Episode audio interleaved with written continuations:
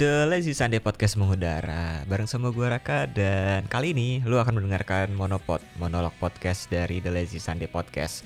Jadi ya mungkin selama 15 sampai 20 menit ke depan Ya lu tahan-tahan aja ya dengerin gue ngebacot Dengerin gue ngomel-ngomel Apa pun itu karena gue butuh apa ya pengeluaran Gue butuh mengeluarkan isi kepala gue di podcast Karena banyak banget sih sebenarnya yang gue pikirin Yang pengen gue omongin sama kalian juga ya siapa tahu kalian bisa sepaham sama gue bisa terhibur juga sama apa yang akan gue bahas kali ini. Dan kayaknya itu udah gak berasa juga ya udah hampir kan udah lebih kali ya udah tujuh bulanan kita di karantina gue sih sebenarnya. Gue tuh udah sekitar tujuh bulanan nggak keluar uh, rumah untuk main ketemu sama teman-teman. Gue tuh keluar itu cuman waktu itu karena gue lagi ada janji sama temen karena waktu itu gue lagi ulang tahun. Jadi gue kayak makan doang itu juga cuman ketemu sama satu orang makan terus udah gitu. Pulang lagi dan selama ini sih biasanya gue keluar itu cuman buat urusan kerjaan doang gitu which di luar di luar kota dan bareng sama keluarga. Jadi praktis untuk ngobrol atau nongkrong di luar rumah gitu sih jarang. Walaupun beberapa kali ya gue sempet take podcast juga gitu sama Bopeng untuk Lazy Sunday The Borax Edition yang nanti akan tayang lagi. Tapi selebihnya dari itu sih gue udah mengisolasi diri ya dalam dalam tanda kutip mengisolasi diri uh, untuk nggak keluar keluar lagi selama tujuh bulan ini.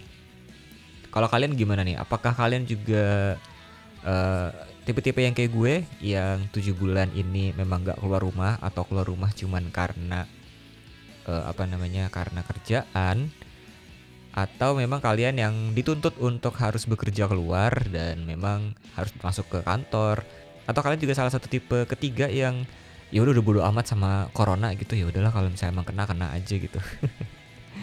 Karena memang banyak banget ya orang-orang yang memang udah bodo amat gitu kayak uh, ya udah gue gue tuh udah stres banget beberapa bulan di rumah gitu.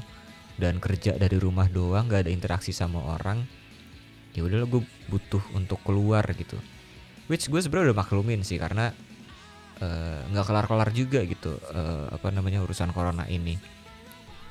Tapi ya kalau gue sendiri sih sebenarnya gue pengen banget untuk keluar-keluar ngobrol sama teman-teman nongkrong gitu. Tapi karena memang gue masih tinggal sama orang tua susah juga ya. Karena gue takut misalnya gue keluar terus jadi carrier gitu. Terus malah jadi uh, orang tua gue yang kena gitu. Ya dia uh, eh, gue masih mencoba menahan diri untuk bisa ngobrol dan nongkrong sama teman-teman gue di luar rumah. Paling sih gue ngakalinnya ya gue ngundang teman-teman gue untuk datang ke rumah ngobrol-ngobrol terus beberapa kali juga take podcast gitu. Dan podcast juga sendiri uh, akhirnya gue ngeteknya via zoom juga gitu sih ya mudah-mudahan memang permasalahan si corona ini cepat selesai karena memang uh, apa ya udah membuat kita semua tuh nggak nyaman membuat kita semua tuh uh, gundah gulana. Gundah gulana banget nggak? Ya pokoknya uh, semua kegiatan kita jadi jadi terbatas gitu karena si corona ini. Bahkan juga masalah corona ini nggak terselesaikan di di luar Indonesia ya justru kayak Italia dan Prancis ini juga akhirnya karena ada gelombang kedua corona lagi akhirnya mereka harus ya terpaksa harus lockdown lagi lockdown negara lagi dan memperlakukan jam malam sih. E, dari yang gue baca juga tuh mereka ada jam malam tuh kalau nggak salah bar itu harus tutup jam 6 justru kalau nggak salah deh jam 10 gitu. Pokoknya mereka ada jam malam itu jam 10 sampai jam 5 pagi jam 10 malam sampai jam 5 pagi. Ya memang harus begitu ya karena uh, gimana lagi kalau misalnya memang mau menekan menekan uh, penyebaran corona ya memang harus ada resiko yang diambil lah. Kayak gue juga waktu itu ke Bandung uh, kayaknya mereka juga ada jam malam gitu kayak uh, di di samping si mallnya juga tutup lebih cepat gitu. Kayaknya sekitar jam jam sembilanan jam 8 tuh udah mulai pada tutup semua toko-toko gitu dan dan gue ke bar yang di sebelah di sebelah mallnya juga pun last ordernya jam 10 gitu. Gue sampai nggak bisa nggak bisa pesan karena emang gue waktu datangnya jam 10 lebih dikit lah. Sampai si si petugasnya bilang kalau nggak bisa gitu kalau untuk pesen uh, minuman atau makanan gitu di atas jam 10 karena mereka memang close billnya di di eh sorry close ordernya di jam 10 gitu. Jadi ya gimana? Maksudnya uh, harus ada yang dikorbankan lah. Mungkin kalau misalnya memang uh, Indonesia sendiri kan ya mungkin lebih mementingkan untuk ekonominya.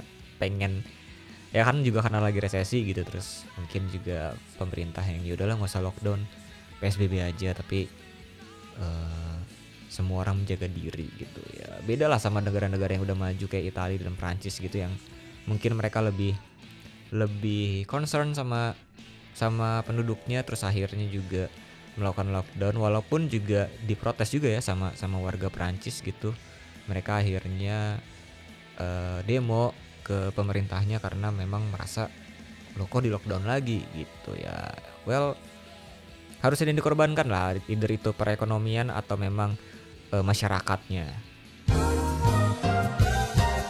Tapi kalau bagusnya uh, yang udah gue baca juga gitu katanya vaksin ini udah mulai ready di Indonesia. uh, kata menteri dari segala menteri alias menteri yang bisa menjalankan semua jabatan, Bapak Luhut bin Sarpanjaitan bilang katanya kalau di minggu ketiga Desember ini vaksin udah bisa disebarluaskan atau dijual kepada masyarakat. Uh, kalau gue sih sebenarnya ya ya oke okay ya maksudnya gue bukan bukan gerakan yang memang anti sama vaksin dan segala macem gitu ya. Yang pasti menurut gue kayaknya vaksin ini bakal mahal banget e, pertama kalinya karena memang e, mungkin juga jumlahnya akan terbatas. Karena kan nggak semua nggak semua negara bisa dapat mungkin ini juga e, pengembangan dari dari e, dalam negeri. Gue nggak tahu gimana teknisnya cuman e, gue sih merasa kayaknya kalau memang ada pun vaksin di di bulan Desember which uh, bulan depan ya berarti ya mungkin jumlahnya akan sedikit dan harganya akan mahal banget. Gue nggak tahu apakah memang dijual atau sama pemerintah dikasih gratis tapi kayaknya melihat apa ya melihat dari dari track recordnya kayaknya pemerintah nggak bakal mau ngasih gratis gitu aja sih. Ya either mungkin nanti akan uh, beberapa dikasih dengan gratis atau ya pasti akan dijual dengan harga yang sangat mahal ya. Karena demandnya tinggi tapi juga stoknya sedikit ya pasti akan uh, ada ada harga yang harus dibayarkan which itu akan mahal banget. Tapi kalau gue sih uh, masih menunggu ya uh, apakah si vaksin ini memang sudah diuji sama masyarakat. Katanya sih udah udah diuji sama manusia gitu tapi nggak tahu uh, gue masih harus mencari tahu lagi lebih dalam kalau vaksin ini tuh gimana. Karena gue nggak percaya kalau misalnya uh, pemerintah bilang oh ini vaksin yang udah mutakhir udah yang terpercaya karena sudah dicoba di hewan atau mungkin di di kerak gitu di di orang hutan yang orang hutan orang hutan yang yang yang katanya tuh gennya mirip dengan manusia tapi kalau gue sih sebelum si vaksin ini dicoba atau dites ke manusia beneran, gue sih nggak nggak percaya ya. Ya mudah-mudahan sih memang udah dites ke manusia gitu. Tapi kalau gue sih sebelum memang belum dites ke manusia, ya gue sih nggak saranin untuk kalian juga take ya. Tapi ya ya terserah kalian sih kalau memang kalian sudah amat sangat percaya dengan pemerintah kita. kalau ini vaksin memang memang ampuh gitu ya monggo tapi kalau gue sendiri sih gue saranin sama kalian juga mungkin lebih cek lagi e, beritanya gimana terus juga perkembangan si vaksin ini gimana karena gue sih menyarankan untuk menunggu sampai vaksin ini benar-benar diuji coba oleh manusia sih. Tapi ya kalau misalnya ngomongin corona ya kayaknya nggak nggak afdol atau kurang lengkap kalau kita tidak ngomongin seseorang yang memang seharusnya menangani pandemi ini secara baik ya. Siapa lagi tidak lain dan tidak bukan Menteri Kesehatan kita Bapak Terawan yang menggemparkan satu Indonesia karena Bapak Terawan ini akhirnya berhasil menggetarkan hati para uh, anggota WHO untuk mengundang beliau datang ke WHO dan diberikan penghargaan karena katanya Bapak Terawan ini berhasil mengatasi corona di Indonesia dengan baik. Katanya seperti itu. Tapi ya gue mem apa ya membebaskan kalian untuk memilih atau menjudge bagaimana kerja Bapak Terawan selama pandemi corona ini. Karena juga akhirnya kan bukan Bapak juga yang andil 100% dalam penekanan. Gue nggak bisa bilang penekanan sih karena sampai saat ini juga kasusnya masih bertambah terus gitu. Tapi kan begitu juga yang kata WHO kan. Katanya sudah berhasil menekan penularan uh, corona di Indonesia tapi ya sudahlah kita ikuti saja. Tapi ya gimana ya kalau menurut gue sih belum lah belum belum sampai seharusnya bisa diambil eh dipanggil oleh WHO sampai segitunya sih. Uh, toh juga penularannya juga masih uh, banyak banget gitu terus juga gimana ya uh, gak berani ngambil keputusan yang ya udah gitu uh, kalau misalnya memang mau lockdown lockdown. Kalau enggak enggak gitu. Karena selama ini kan memang uh, apa ya dikasih kebijakan yang memang uh, di tengah-tengah gitu. Karena karena kan uh, pengen banget menyenangkan dua belah pihak gitu kan. Pasti kalau misalnya ada satu satu kebijakan pasti ada yang pro dan kontra gitu. Nah kadang-kadang tuh uh, pemerintah maunya tuh ngasih ngasih kebijakan tuh yang tengah-tengah gitu. Yang ya udah deh gue pengen lu bahagia lu juga bahagia gitu. Jadi dulunya tuh pengen pengen senang gitu. Sedangkan kadang-kadang kalau kita mengambil uh, apa ya satu keputusan satu kebijakan itu ya tidak bisa menyenangkan semua orang. Di di segala aspek lah. Baik itu di kerjaan apalagi di di pemerintahan ya. Seharusnya kan yang idealnya seperti itu. Tapi ya biarkan saja kalau misalnya memang pemerintah maunya seperti itu ya kita ikuti saja. Tapi uh, bapak Terawan ini lumayan lumayan oke okay juga ya karena bisa uh, diundang WHO karena katanya bisa menekan penularan corona katanya ya. Terus juga mendapatkan penghargaan dan memuji Bapak Jokowi tapi kok giliran diundang ke mata Najwa nggak mau ya Pak? Gue nggak tahu ya apakah apakah memang uh, wah kalau WHO nih harus datang gitu. Dan mungkin pengen juga Pak Terawan tuh pengen jalan-jalan jauh aja mungkin. Karena ya gue tau lah mungkin Pak Terawan juga selama ini tidak terlihat di media tidak tidak apa ya tidak mau muncul di depan teman-teman wartawan gitu. Mungkin juga dia lagi karantina kali. Ya kita positive thinking aja lah. Mungkin Pak Terawan juga lagi karantina di rumahnya sama ini juga WFH terus juga meeting meeting uh, sama staffnya dan juga sama pimpinan. Mungkin juga by video call gitu. Ya kita positive thinking aja. Mungkin Pak Terawan juga akhirnya wah yaudah deh uh, eh, gue dapat undangan WHO yaudah gue gue pengen keluar rumah gitu. Jadi dia selama ini cuman cuma karantina aja sih. Mungkin Najwa selama ini ngundang Pak Terawan juga karena karena uh, pas lagi pandemi nggak pas waktunya. Jadi Bapak yang terhormat tidak bisa datang untuk menghadiri undangannya Mata Najwa. Tapi kalau misalnya apa ya ngomongin masalah corona ini, nih kayaknya episode ini cuman bahas corona doang tapi nggak apa lah ya. Karena memang yang lagi gue pikirin tuh banyak banget soal-soal corona sih. Jadi gue udah amat sangat apa ya udah amat sangat uh, bosen juga di rumah. Gue tuh awal-awal sangat menikmati sih.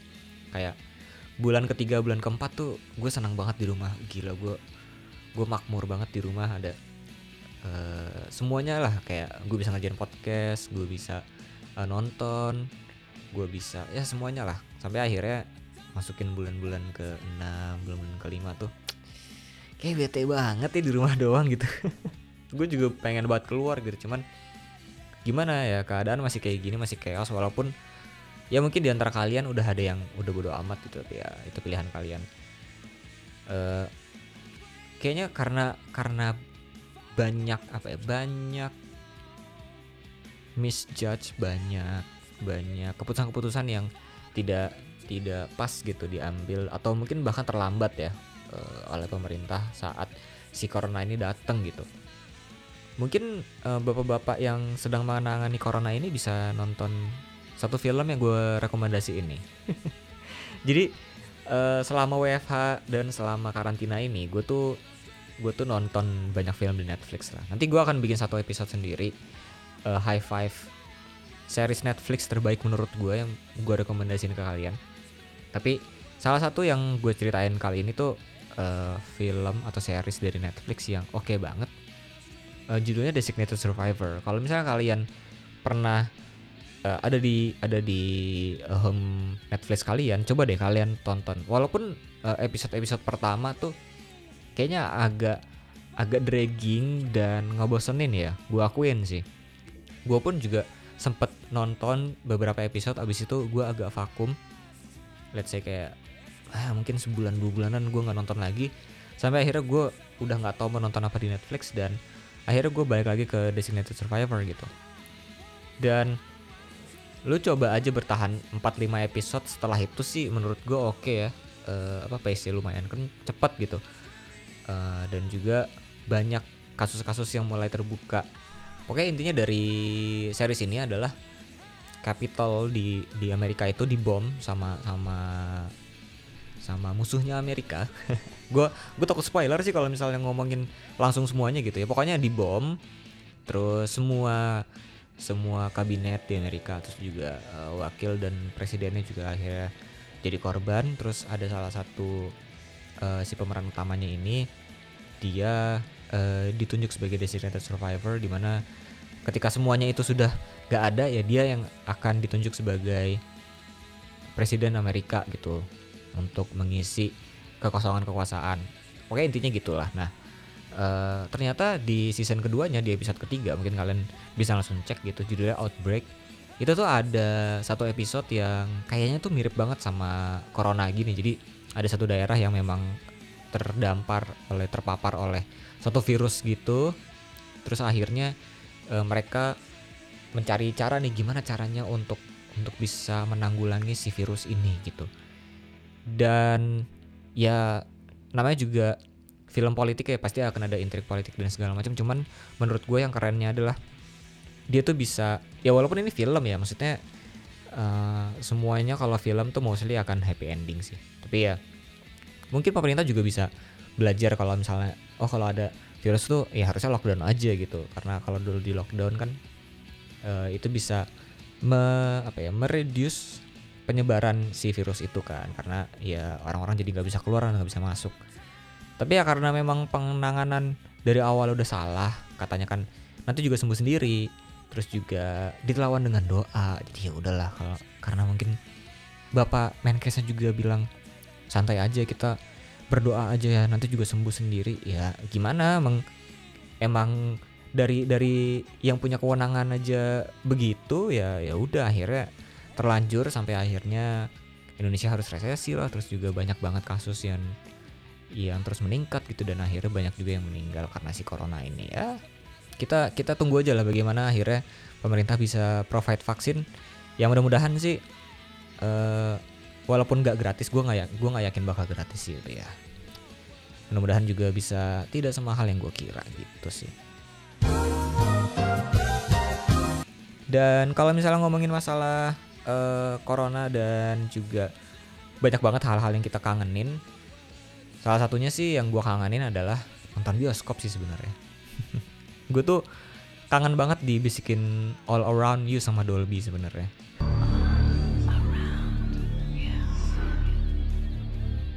Tapi gue rasa juga kalian udah kangen banget sama bioskop dan dengar-dengar memang katanya bioskop udah mulai buka sih. Cuman katanya kapasitasnya cuma boleh 25% dari uh, kapasitas si bioskop tersebut. Ya gue sih sebenarnya seneng banget ya denger wah bioskop udah membuka nih gitu. Tapi uh, eh, gue kayaknya akan takut dan amat sangat hati-hati sih. Karena gimana ya lu datang ke satu tempat yang banyak orang juga gitu kan mau gak gimana ya 25% tuh nggak nggak nggak sedikit gitu.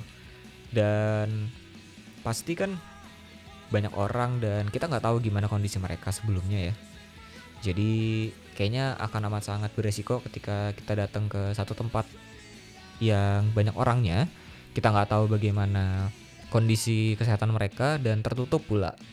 Jadi kayaknya akan agak beresiko kalau harus datang ke sana dengan kapasitas 25% ya tapi gimana ya? Karena udah kangen ya. Tapi nggak sih gue sih kayaknya gue sih kayaknya sekangen-kangennya gue sama all aroundnya Dolby sih kayaknya gue tetap akan menunggu sampai semuanya kelar dulu baru kita bisa seneng-seneng ke mana pun yang kita mau sih.